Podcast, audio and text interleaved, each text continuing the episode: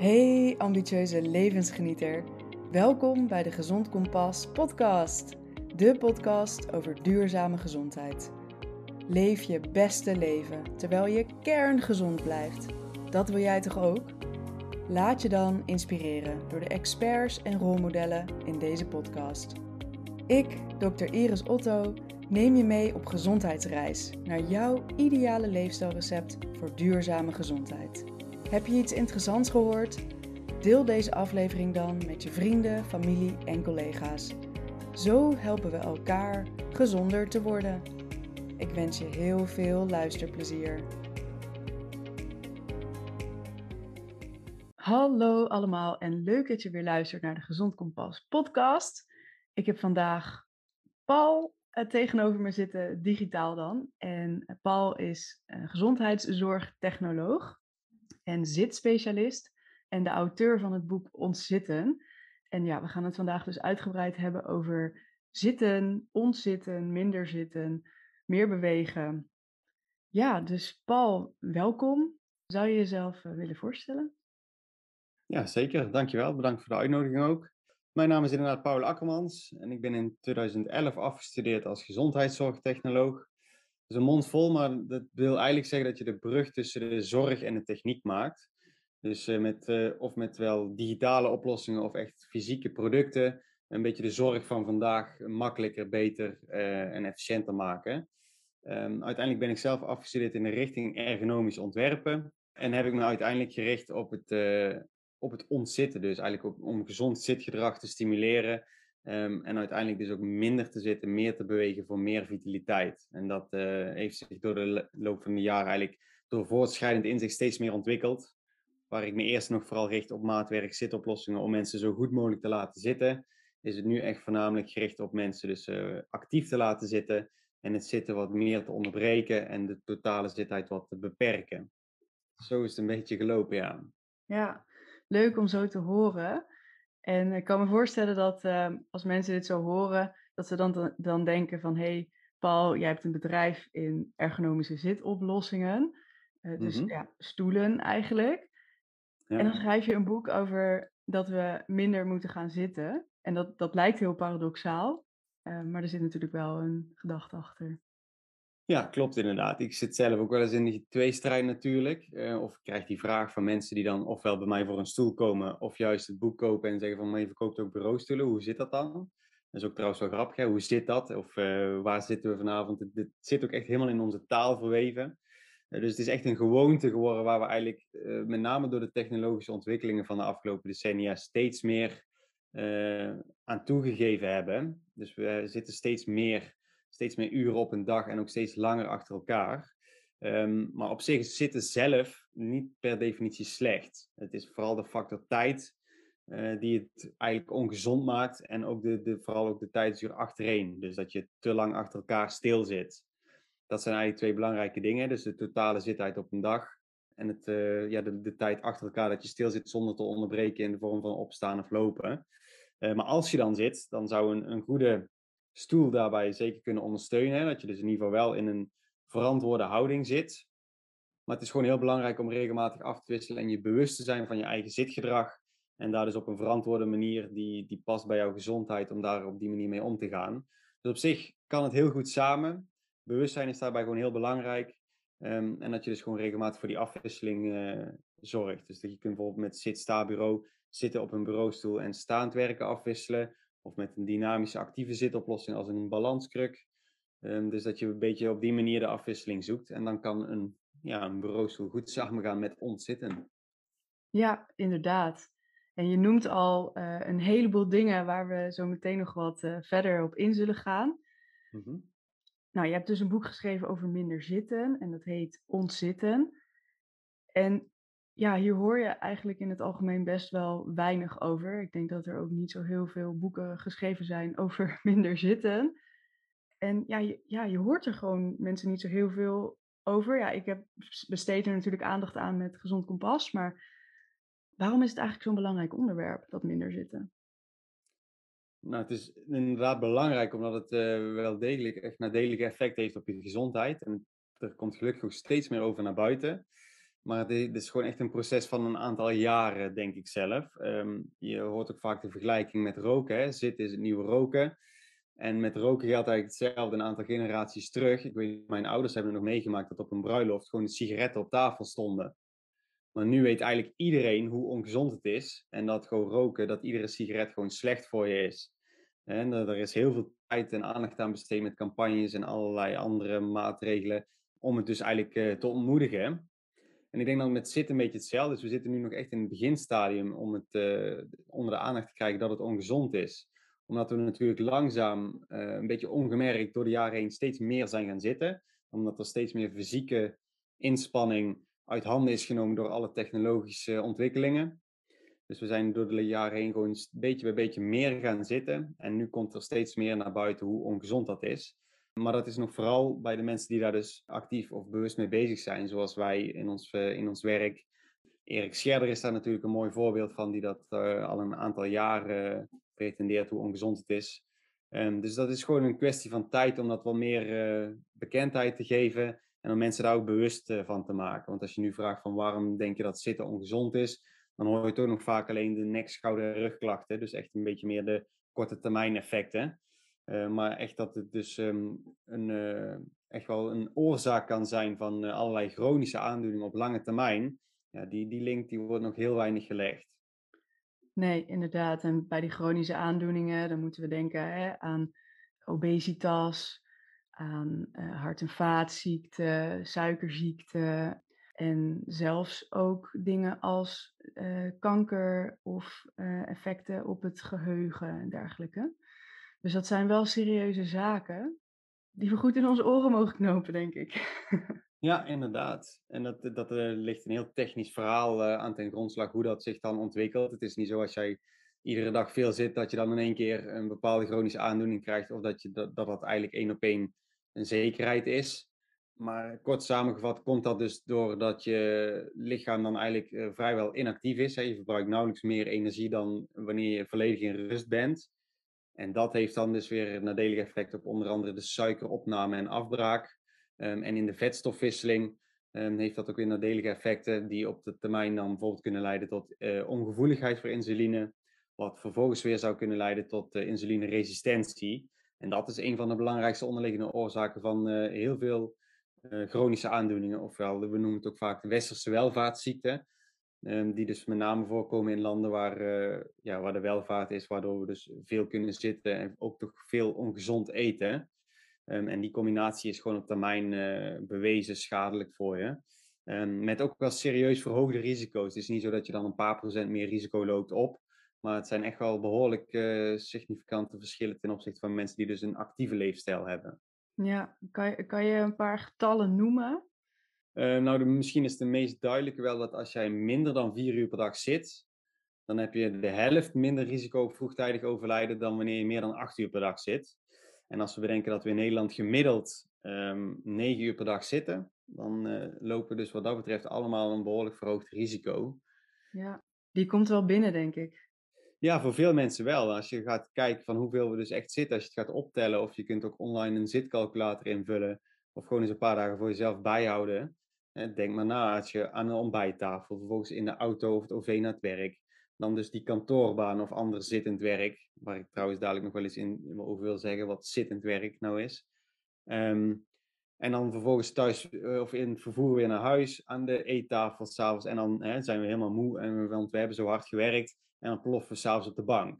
Dus ja. als je dat allemaal bij elkaar optelt, zit je al heel snel aan die acht uur of meer.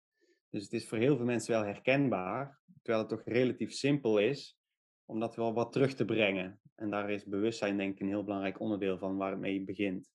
Ja, nou daar hopen wij met deze podcast uh, aan bij te dragen, aan dat uh, bewustzijn.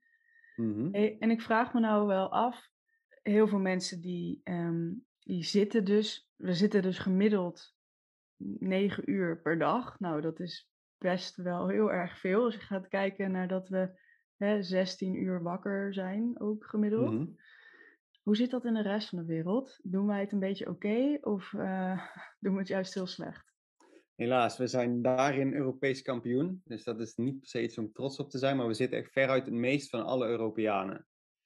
Oei. Uh, Nederland zit 32% zit uh, meer dan 8 uur per dag. En dat is ver boven het Europese gemiddelde, wat als ik me niet vergis op 21% ligt. En wij Nederlanders zitten dus echt ruim bovenaan. En als je dan kijkt naar de meer zuidelijke landen, daar wordt echt een stuk minder gezeten. En het is niet zo dat het echt, uh, dat je kijkt naar ontwikkelingslanden, hè, waar dus nog veel meer fysiek werk is, maar het is ook echt in ontwikkelde Europese landen uh, die het al veel beter doen dan, uh, dan wij in Nederland. Ja, ja. Scandinavië is wat dat betreft wel een van de betere landen. Die, het, die zijn ook echt wel vaak koploper op ergonomische ontwikkelingen. Het zit-sta-werk is daar al jaren doodnormaal. En dat is hier, wij lopen daar een beetje achteraan. Dus ik verwacht wel dat het hier ook steeds beter zal worden. Maar vooralsnog uh, zijn we helaas Europees kampioen. Ja, en inderdaad, wat je zei, dat is niet iets om trots op te zijn. We willen liever uh, als laatste eindigen. Dus laten we daar ja. inderdaad stappen naartoe gaan zetten. Hey, de vraag die ik regelmatig krijg is: ja, ik, ik heb nou eenmaal een zittende baan. dus ik zit veel tijdens mijn werk, maar ik ben verder heel actief. ik fiets naar mijn werk en ik ga regelmatig naar de sportschool. Kan je nou zo'n zittende werkdag compenseren met je uurtje sporten s'avonds? Of niet? Nee, en dat is dus inderdaad een veelgehoord misverstand. Mensen die zeggen van ja, maar ik zit toch, of ik sport toch drie keer in de week, dus dat bewegen, dat zit bij mij wel goed. Sporten aan zich natuurlijk hartstikke gezond, is ook zeker een aanvulling op je gezondheid. Maar om, het, uh, de, om de nadelige effecten van het stilzitten te compenseren, zul je vooral het zitten regelmatig moeten onderbreken. Dus als jij gewoon acht uur zit op een dag en je gaat vervolgens s'avonds een uurtje sporten, loop je net zoveel risico op die nadelige effecten en gezondheidsrisico's dan iemand die dus ook acht uur zit, maar s'avonds niet gaat sporten. Dus dat is wel een, een ding waar mensen nog vaak zoiets hebben van, oh, dat, uh, dat komt dan ook wel even binnen. Denk van, oh, maar ik ben goed bezig, maar dat valt dan toch wat dat betreft even tegen. Ja. Uh, een ander interessant ding vind ik dan nog, wat je, waar je mee begon, van ik heb toch, ik heb een zittend beroep. Maar dan, ja, een taxichauffeur, die heeft een beroep. Die kan niet gaan staan tijdens zijn werk. Dat zou uh, een beetje gevaarlijk worden. Maar iemand met bureauwerk, die heeft geen zittend werk. Alleen bij ons is dat de norm. En het is zo gewoon geworden. Als je bureauwerk hebt, dan heb je een bureau en een bureaustoel. Maar je kunt natuurlijk op allerlei andere manieren dat werk uitvoeren. In ieder geval afwisselend. Kijk, de hele dag staan is ook niet gezond. Maar de afwisseling door de dag heen kun je ook zeggen, ik heb staand werk. Want je kunt in principe net zo lang achter je bureau staan als zitten. Je kunt uh, telefoontjes wandelen doen. Je kunt op een actieve zitoplossing, je hebt deskbikes, uh, noem het allemaal maar op. Waardoor je dus die zittijd een onderdeel van de werkdag kan zijn. Maar dat is zeker niet per definitie dat je dan zittend werk hebt. Nee, dat is inderdaad wel heel goed om dat even te verhelderen. Dat, dat is eigenlijk zo gegroeid. En dat is misschien een beetje een soort overtuiging geworden. Want we denken, nou, zo, zo is het nou eenmaal. En ik heb dus zittend werk. Het gaat er dus om dat we een heel stukje creatiever gaan worden in hoe we ons werk eigenlijk uitvoeren. En je geeft dan een paar hele mooie voorbeelden van, hey, je kan een telefoontje kan je staand of lopend doen. Er zijn mensen die doen vergaderingen tegenwoordig ook wandelend. Um, ja, er zijn gewoon best wel veel opties als het gaat om afwisselend werken. ik denk dat inderdaad de nadruk op afwisseling het belangrijkste is. Ja, klopt. Hè? Dat is ook een mooi gezegde, vind ik altijd. De beste houding is de volgende houding. Dus in principe is er geen één houding slecht. Alleen als je dat maar lang genoeg achter elkaar volhoudt, dan uh, wordt uiteindelijk iedere houding slecht. Dat is hetzelfde als met gezonde voeding of uh, water drinken. Als je daarvan te veel neemt, dan, dan is het uiteindelijk ook gewoon schadelijk. Dus zorg gewoon inderdaad voor die afwisseling. We hebben ook een beweegapparaat en geen zitapparaat als lichaam. Dus we hebben gewoon echt die beweging nodig om gezond te blijven. En daarbij kan zitten prima een onderbreking zijn van beweging of van staan. Maar zorg dus voor die balans en dat je dus uh, allerlei verschillende houdingen en beweegvormen gewoon met elkaar afwisselt. Uh, dat is, uh, lopend vergaderen is ook echt wel een beetje een opkomst. Hè? Martine de Vaan heeft daar een mooi boek over geschreven, Walk Your Meeting. Dat is gewoon echt een heel boek, alleen maar over wandelend vergaderen en wandelend overleg. Dus dat, dat zegt al hoeveel mogelijkheden dat daarin eigenlijk zijn. Dus wat dat betreft, ja, dat zittend werk, dat, is, dat moeten we eigenlijk een beetje los gaan laten en daar toch wat creatiever mee omgaan. Ja. Ja, ik kan me voorstellen dat bij veel werkgevers er nog wel wat weerstand wordt gestuurd. Hè? Want ten eerste is verandering natuurlijk altijd moeilijk. En ten tweede, hoeveel gaat het dan wel niet kosten als we inderdaad een um, fietsstoel of een loopband of iets dergelijks moeten aanschaffen of uh, sta-bureaus. En is het allemaal wel zo effectief? En daar ben ik wel benieuwd naar. Waarom is het nou juist zo interessant om juist op het werk dus bezig te zijn met gezondheid, wat betreft dus hè, minder zitten, meer pauzes, meer bewegen. Waarom zou dat juist op het werk zo goed zijn naast dus de uh, persoonlijke voordelen voor je gezondheid?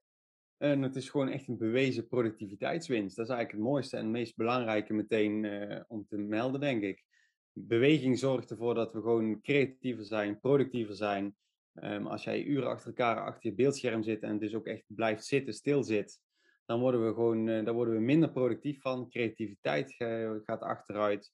Uh, en dat komt met name omdat de hersenen dan gewoon van minder zuurstof worden voorzien. Omdat de bloedsomloop gewoon uh, onvoldoende gestimuleerd wordt. Omdat er dus weinig spieractiviteit is. Vaak zitten we een beetje in elkaar gezakt, waardoor dat ook de spijsvertering minder ruimte krijgt om goed te functioneren. dus er komen gewoon minder voedingsstoffen ook bij de hersenen. Uh, dus het zitten regelmatig onderbreken en het liefst dan dus ook uh, wat meer bewegen. Zo'n staande vergadering of vooral liefst nog een lopende vergadering. Um, dat wordt gewoon echt, uh, dat draagt bij aan de productiviteit. Um, als je lopend een telefoontje voert, dan worden de gesprekken vaak ook beter van, ook concreter en er worden sneller stappen gezet. Wat dat betreft draagt het allemaal bij aan de productiviteit, wat dus ook weer bijdraagt aan het resultaat van het bedrijf. En kijk, een zit-sta-bureau is uiteraard kostbaarder dan een standaardbureau. Tegenwoordig zijn die verschillen steeds kleiner. Maar een, een deskbike of een balanskruk is gewoon altijd al goedkoper dan een, uh, dan een, goede bureaustoel. Um, en als je een beetje die, die wisselingen maakt door het kantoor heen, dat je een aantal plekken inricht met gewoon de, de klassieke opstelling en een aantal dynamische werkplekken. En dat mensen daar een beetje kunnen variëren gedurende de dag of de week, onderling afwisselen dan ben je onderaan de streep zelfs nog voordeliger uit. En je verdient nog eens meer terug in de vorm van productiviteitswinst. Maar het is vooral wat je, waarmee je begon ook. Hè, de verandering is gewoon heel moeilijk. Mensen houden heel erg vast aan uh, wat, wat normaal is, wat de norm is. Um, maar ja, je moet je eigenlijk vooral afvragen, wat is normaal? Als je bedenkt dat ons lichaam dus die beweging juist nodig heeft om gezond te blijven. Het is er gewoon ingeslopen door de jaren heen. Maar het is echt niet per definitie de beste manier van werken. Nee, zeker niet. Nee, Nee, en ik denk wat, wat jij nou net allemaal opnoemt, hè, met hè, er gaat meer zuurstof naar je hersenen, waardoor je gewoon cognitief beter kunt functioneren. Ja, dat is gewoon heel overtuigend. Hoop ik tenminste dat dat overtuigend is voor mensen. Voor mij is dat echt absoluut overtuigend. En dat ik denk, ja, het moet gewoon anders, zowel voor je gezondheid als dus inderdaad voor je productiviteit en dus de kwaliteit van je werk die je daarmee kunt leveren. En je noemt al een aantal uh, hele interessante uh, dingen van hè, verandering is moeilijk, maar ook wat is normaal? Vaak houden we ons daar aan vast aan ten eerste wat we gewend zijn, maar ook wat er voorgeschreven wordt. Dus ik ben wel benieuwd naar wat nou de richtlijnen zijn voor bewegen en voor zitten. Kijk, beweegrichtlijnen, daar zijn we natuurlijk al langer mee bekend. En voor gezond werken heb je natuurlijk hè, uh, Arbo, uh, Arbo-wet en dergelijke. Maar volgens mij is daar nu dus ook zitten, of minder zitten in opgenomen. En ik ben wel benieuwd naar wat daar dan de voorgestelde richtlijnen voor zijn ook. Ja, klopt. En er is dus inderdaad steeds meer aandacht voor, ook vanuit overheden en vanuit de Europese Unie. Dus daar, komt, daar wordt steeds meer opgenomen in de richtlijnen en aanbevelingen. Het probleem daarbij is dat die ten eerste lang niet bij iedereen bekend zijn. En ten tweede dat het nog steeds richtlijnen zijn. Dus iedereen kan daar zijn eigen invulling aan geven en vrij mee omgaan. Uh, maar wat wel interessant is, is uh, we kennen inderdaad de beweegnormen allemaal. Hè. Die zijn dan in drie leeftijdsgroepen ingedeeld voor kinderen, volwassenen en ouderen, 65-plussers. En daar is sinds kort is daar uh, dus ook echt aandacht aan besteed dat er bij iedere doelgroep is toegevoegd om dus minder te zitten. bij de kinderen is er toegevoegd hè, verminder zitgedrag en schermtijd. Bij de volwassenen van 18 tot 64 zeggen ze vervang zitten door fysieke activiteiten. En ouderen, daar is dan aan toegevoegd vervang stilzitten door beweging. Dus eigenlijk komt het allemaal een beetje op hetzelfde neer. Maar er is dus echt toegevoegd aan die beweegrichtlijn, aan de beweegnorm, het stilzitten beperken en dus meer voor beweging kiezen. Dus dat is al een hele mooie aanvulling. Maar het, het is een beetje, hè, als je normaal 12 uur per dag zit en je gaat nou 10 uur per dag zitten, dan zit je twee uur minder. Dus dan ben je al, wat dat betreft, voor de, volgens de richtlijn, hè, doe je het dan goed. Want je hebt dus een aantal zituren vervangen voor activiteit, maar je zit nog steeds te veel. Dus er wordt nog niet echt concreet iets met uren aangeduid. Maar goed, hè, ik denk dat het een mooie ontwikkeling is en dat er aandacht voor is. Maar vanuit het Europees Agentschap voor Veiligheid en Gezondheid op het Werk wordt het al wel iets concreter. Daar hebben ze namelijk uh, sinds kort ook een, aantal nieuwe aanbevelingen, waarbij ze zeggen maximaal 50% van de dag zittend doorbrengen. Dus dat is al uh, heel concreet wat dat betreft. En, dan en is dat een werkdag? Ja. Of de hele dag dat je wakker bent? Want daar zitten we natuurlijk op. Ja, precies. We zitten al op die acht uur. Dus het gaat in dit geval, want het is ook echt de veiligheid en gezondheid op het werk. Dus we praten hier wel over werkdagen. Uh, dus 50% van de dag zitten doorbrengen maximaal. Nou, dat is denk ik al een mooie. Um, en probeer ernaar te streven om iedere 20 tot 30 minuten op te staan. Nou, dat kan ik natuurlijk alleen maar aanmoedigen, want dan, dan doe je het eigenlijk heel goed. Dat is het meest optimale om dus te zorgen dat je iedere 20 tot 30 minuten opstaat. En dat betekent niet dat je dan meteen een half uur moet gaan wandelen, maar gewoon even opstaan, een zogenaamde micropauze nemen van 2, 3 tot maximaal 5 minuutjes. Ga naar het toilet, haal even een glas water of uh, loop naar de printer of gewoon even simpel de trap op en neer als je thuis werkt. En ga vervolgens gewoon weer verder. Dus dat is een hele belangrijke. En probeer na iedere twee uur zitten, dus inclusief die korte onderbrekingjes, dus zeg maar vier blokken van ongeveer een half uur zitten, dat je dan een wat langere pauze neemt van 10 tot maximaal 30 minuten. Oké, dus helder. dat zijn wel een aantal mooie concrete richtlijnen en aanbevelingen op het gebied van zittend werk. Waar we dus alweer, uh, ja, daar krijgen we een aantal handvatten mee vanuit de Europese uh, Unie. Ja, helder. Ook wel uitdagend, denk ik, voor veel mensen. Ja, absoluut. En probeer dat dus ook niet uh, van de een op de andere dag te gaan doen, maar ga dat stapsgewijs gewoon langzaam in je dag inbouwen. En ga er wat dingen in proberen hoe dat het bij jou past. En iedereen heeft natuurlijk zijn eigen werkvorm en uh, zijn eigen rituele routines uh, in de dag. Dus probeer dat in ieder geval een beetje stap voor stap naar die, naar die 20 tot 30 minuten achter elkaar zitten te gaan. Een tip daarbij is nog bijvoorbeeld om je werkzaamheden te categoriseren. Dat je bijvoorbeeld mails, uh, telefoontjes of ander computerwerk, dat je die een beetje indeelt en bundelt. Dus dat je op, noem maar, twee, drie vaste momenten per dag je e-mail beantwoordt. En dat je dat gewoon koppelt aan de houding staan. Uh, als je telefoontjes doet, probeer je ook een beetje te bundelen. Dat je gewoon uh, een paar momenten op een dag klanten belt of telefoontjes beantwoordt. Dat je die lopend gaat doen. En dan kun je andere werkzaamheden eventueel zitten doen. Al dan niet op een dynamische zitoplossing afwisselen met een bureaustoel. Maar dat je dat dus op die manier een bepaalde werkvorm koppelt aan een bepaalde werkhouding. Dat is voor jezelf een bepaalde reminder ook. Of met een zit-sta-bureau. Hè. Zet hem bijvoorbeeld na de lunchpauze omhoog. Uh, ga dan staand werken en laat hem zo staan. volgende dag kom je op je werk, staat hij al omhoog en zet je hem in de lunch bijvoorbeeld weer naar beneden. Dus je wordt op die manier al een beetje ja, onbewust in verschillende houdingen ge gezet. Ja, dat kan helpen. Slim, ja, al hele mooie concrete aanbevelingen. Ik kan me voorstellen dat mensen zeggen van ja, maar ik zit op een gegeven moment gewoon in een flow en ik vergeet het dan. Heb je daar nog tips voor? Uh, ja, er zijn eigenlijk twee tips waarbij de belangrijkste, en ik vind het zelf echt super werken, is de Pomodoro-techniek. Ik weet niet of je er ooit van gehoord hebt. Die is vernoemd naar een kookwekker in de vorm van een tomaat.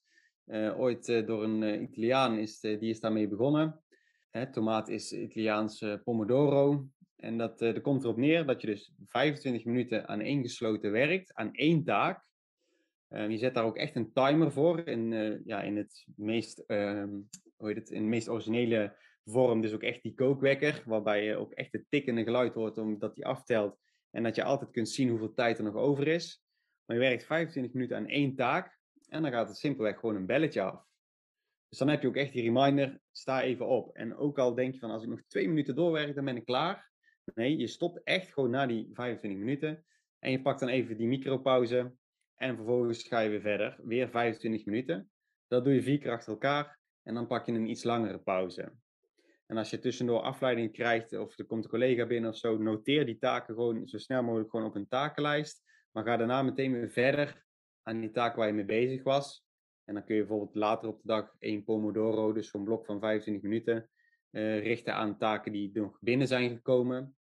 Maar op die manier kun je dus heel makkelijk toch iedere keer die herinnering krijgen om toch eventjes op te staan. En dat is gewoon echt bewezen beter voor je productiviteit. Ook al denk ik, ik zit nu helemaal in die flow, ik zit er echt lekker in.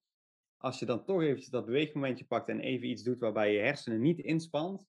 Dus ga dan ook niet uh, eventjes snel je e-mail lezen of andere dingen doen waarbij je echt na moet denken. En je gaat vervolgens weer verder met die taak. Dan krijg je uiteindelijk op een dag echt meer gedaan en van betere kwaliteit. Een andere tip nog is dus gewoon een bepaalde zitoplossing kiezen waarbij, waar je gewoon simpelweg niet zo comfortabel op zit. En die niet allerlei ondersteuning heeft. Um, want het ding is eigenlijk als wij dus zitten in een eh, bureaustoel of anderszins comfortabele stoel met uh, volledige ondersteuning en een lekker comfortabel zitvlak, dan blijven we gewoon zitten.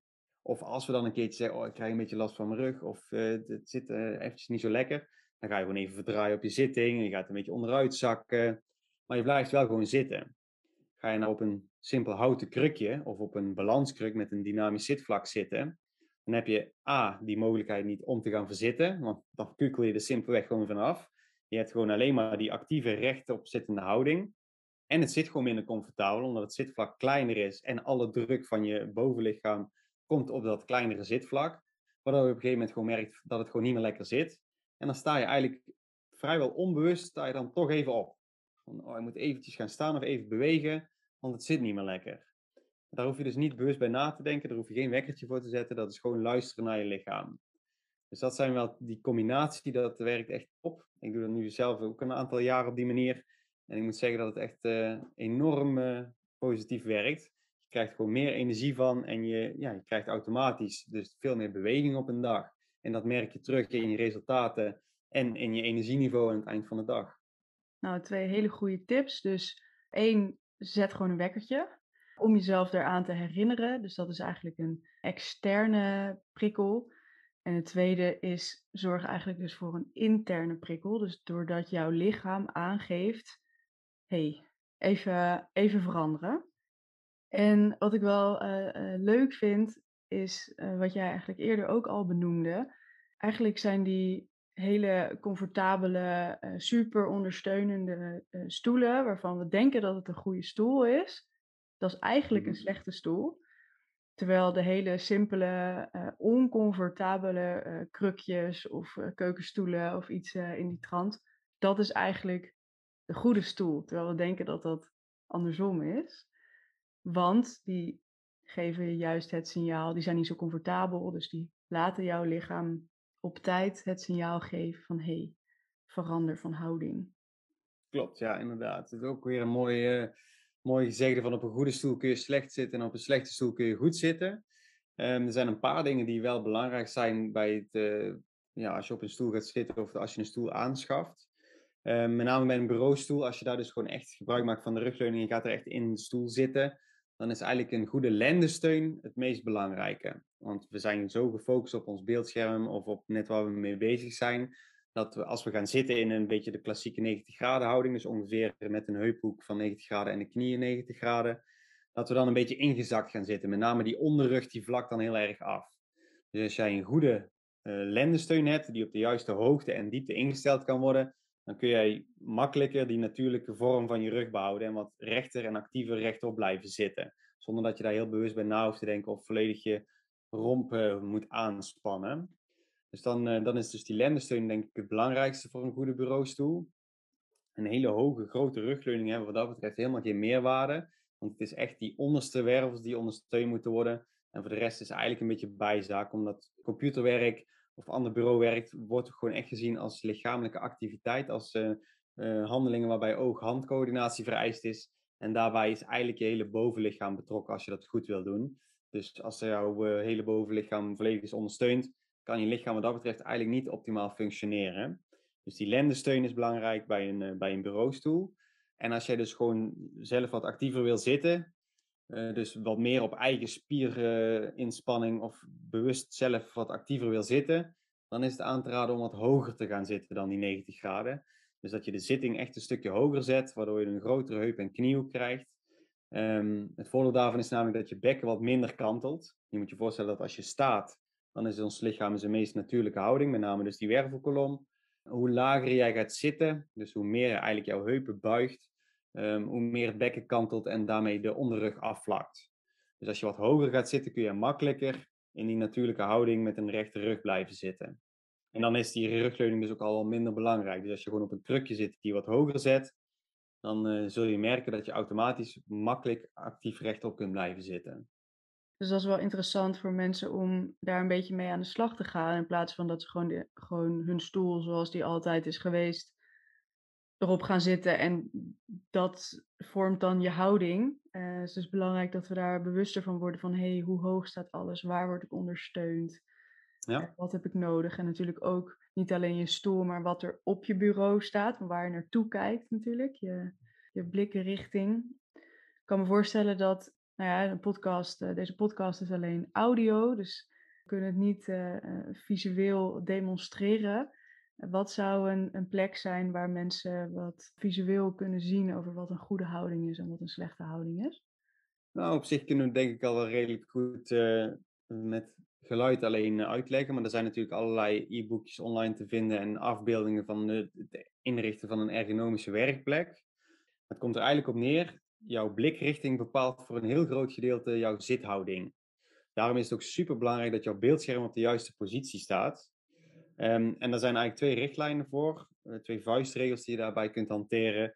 Um, dus als jij rechtop zit in de juiste houding, dan ga je vervolgens zorgen dat jouw beeldscherm op de hoogte staat waarbij je eigenlijk de bovenste 4, 5 centimeter van het beeldscherm op ooghoogte zitten. Dus wanneer je recht vooruit kijkt, dat dan de bovenste leesregels op ooghoogte zitten, zodat als je een beetje ontspannen schuin naar beneden kijkt, dat je dan midden op het scherm kijkt. Dus dat is ook het grote gevaar van laptopgebruik natuurlijk, omdat dan het scherm en het toetsenbord aan elkaar zitten. Dus je zit of heel erg met opgetrokken schouders te typen als het scherm op de juiste hoogte zou staan, of je zit helemaal voorover in elkaar gedoken naar het scherm te kijken. Dus als jij meer dan twee uur per dag gebruik maakt van een laptop, is het echt uh, ja, bijna verplicht, zou je kunnen zeggen. In ieder geval sterk aan te raden om een los toetsenbord en muis te gebruiken. En het uh, laptop dan bij wijze van spreken op een paar schoenendozen of een pak papier. Maar in ieder geval op de juiste hoogte te zetten. En dat je hem ook wat verder weg kunt zetten, want dat is dus de tweede vuistregel. Bij een gemiddeld beeldschermformaat, als je aangeschoven zit aan je bureau, je zit rechtop, dat je net met je vingertoppen met gestrekte armen het scherm kunt aanraken. Het belangrijkste is daarbij gewoon dat jij, eh, als je dus rechtop zit, dat je alles gewoon kunt lezen op je scherm. Dus de kleine lettertjes gewoon kunt lezen zonder dat je in je scherm hoeft te kruipen. Maar ook niet dat het scherm recht voor je neus staat. Dus dat is een beetje de richtlijn. Dus als je een grotere scherm hebt of je werkt met twee schermen, dan zou ze al iets verder weg mogen. Dus ook voor die laptop geldt, zet hem wat verder weg en zorg dat het los toetsenbord gewoon voor aan je bureau staat, zodat je rechtop kunt blijven zitten en met je polsen of je onderarm op het bureau rust en dan gewoon kunt typen. Dus dat zijn wel de, belangrijkste richtlijnen voor die uh, beeldschermpositionering. Dat die dus heel veel invloed hebben op, jou, uh, op jouw zithouding. Nou, dit zijn allemaal hele concrete inderdaad richtlijnen en tips waar echt meer aandacht voor mag komen. En waar het, uh, ik hoop dat mensen hierdoor ook zich veel bewuster van gaan worden van hoe zit ik nou eigenlijk, hoeveel zit ik, uh, hoe, hoe werk ik eigenlijk? Hoe vaak neem ik pauze? Hoe vaak sta ik op? En dat hoeft dus, wat jij zegt eerder al, hè, het hoeft helemaal niet heel lang te zijn, maar gewoon eventjes een paar minuten, zodat al die biochemische processen in je lichaam gewoon eigenlijk worden aangezet. Ik denk dat deze podcast bomvol met uh, super waardevolle kennis en informatie zit. En ja, dit, dit heb jij ook allemaal beschreven in jouw boek, Ontzitten. En ja, ik heb jouw boek uiteraard gelezen en ik kan die uh, van harte aanbevelen aan iedereen. Wat zou nog een laatste iets zijn waarvan je denkt, dit wil ik absoluut meegeven uh, aan de luisteraar? Um, nou, dus dat je dus vooral probeert te zoeken naar die functionele en natuurlijke beweging door de dag heen. En mensen denken vaak als ze meer moeten gaan bewegen, denken ze vaak al aan sporten. Um, maar dat is in dit geval dus absoluut niet uh, noodzakelijk. Het gaat vooral om dus die zittijd regelmatig onderbreken en wat meer beweging in je dag te krijgen. Haal het kind in naar boven, maak het leuk. Zoek gewoon allerlei beweegvormen die gewoon bij jou passen. Bij wijze van spreken zet je een mini-trampoline op het werk neer of ga je een keertje touwtje springen of doe je iets, iets geks mee. Ga je kinderen omhoog gooien en vang ze weer op. Uh, maar ook met de fiets of de voet een keertje naar de winkel. Uh, pak dan een winkelmandje in plaats van een karretje voor je uit te duwen. Um, dus wat vaker gewoon die lichamelijke inspanning zoeken die een aantal generaties gewoon natuurlijk waren, omdat er nog geen technische hulpmiddelen voorhanden waren. Dus dat je wat meer die uitdaging zoekt, het lichaam wat niet altijd voor de makkelijkste weg of comfort zoeken, gewoon je lichaam wat vaker gebruiken waar het voor bedoeld is. want ons lichaam uh, is in tegenstelling tot spullen, is, uh, ons lichaam is antifragiel. Dus door het te gebruiken worden we juist sterker en weerbaarder. En spullen die slijten natuurlijk door het te gebruiken. Dus ons lichaam wordt daar juist sterker door. Um, en dan vind ik het een mooi altijd om, ja, om mee af te sluiten ook. Dus zorg voor een gezonde oude dag is niet alleen een goede spaarrekening nodig, maar ook een belangrijke is een, gezonde spierrekening. En daar kun je gewoon echt nu vandaag mee beginnen om die op te bouwen. Dus je gewoon vandaag zorgt dat je voldoende beweging krijgt en dat doe je iedere dag gewoon op een natuurlijke, functionele manier. Dan heb je daar op latere leeftijd gewoon echt profijt van. Je kunt daar een bepaalde reserve in opbouwen, waardoor je dus op latere leeftijd gewoon langer zelfredzaam bent en dus uh, gewoon fysiek uh, actiever en gezonder kunt blijven. Ja, wat een mooie uitspraak. Je voor je oude dag niet alleen een goede spaarrekening nodig hebt, maar juist ook een goede spierrekening. Die, uh, die hou ik erin. Nou, Paul, super bedankt voor het delen van al je kennis. En um, ja, nogmaals, ik hoop echt dat we hiermee het uh, bewustzijn uh, kunnen vergroten over um, minder zitten en meer bewegen door de dag heen. Waar kunnen mensen jou vinden, jouw boek vinden, jouw bedrijf in balanskrukken vinden? Um, in ieder geval uh, op paulakkermans.nl kun je meer over mij vinden, kun je meer over het boek vinden. Daar is het boek ook te bestellen rechtstreeks. Uh, misschien leuk om te vermelden dat er achter in het boek staat een kortingscode waarbij je dus nog korting kunt krijgen op de aanschaf van een balanskruk. Um, en die balanskruk dat is de Balergo, samengesteld uit balans en ergonomie. En dat is balergo.eu. Nodig me ook vooral uit op LinkedIn om connectie te maken. Paul Akkermans. Dus uh, ja, daar, is, uh, daar ben ik overal te vinden. Ja, en ik wil jou ook enorm bedanken voor deze mogelijkheid om, uh, om het bewustzijn hiermee wat te vergroten. Dat ja. ik de kans heb gekregen om hier mijn verhaal te mogen doen. Ja, nou, je, je was van harte welkom. En ik zal ook alles even linken in de show notes. Dus voor de luisteraars op mijn website kun je gewoon de show notes nalezen van dit gesprek met uh, alle interessante info en linkjes. Ja, Paul, super bedankt nogmaals. En, uh, Heel graag gedaan. Hele fijne dag. Dankjewel. Een ontzettend fijne dag. Een hele mooie inderdaad. Ontzettend fijne dag. Wat een topper. Fantastisch dat je luisterde naar de Gezond Kompas podcast. Hiermee heb jij weer een stapje gezet richting duurzame gezondheid. Vond je deze aflevering nou waardevol? Dan zou ik het ontzettend waarderen als je een beoordeling achterlaat op Spotify of Apple Podcasts. Daarmee steun je de podcast en mijn missie om duurzame gezondheid te bevorderen. Wil je meer inspiratie? Vergeet je dan niet te abonneren op deze podcast. Ook vind je een schat van waarde op gezondkompas.nl en via Instagram @gezondkompas. Bedankt voor het luisteren en tot de volgende keer. Gezonde groet.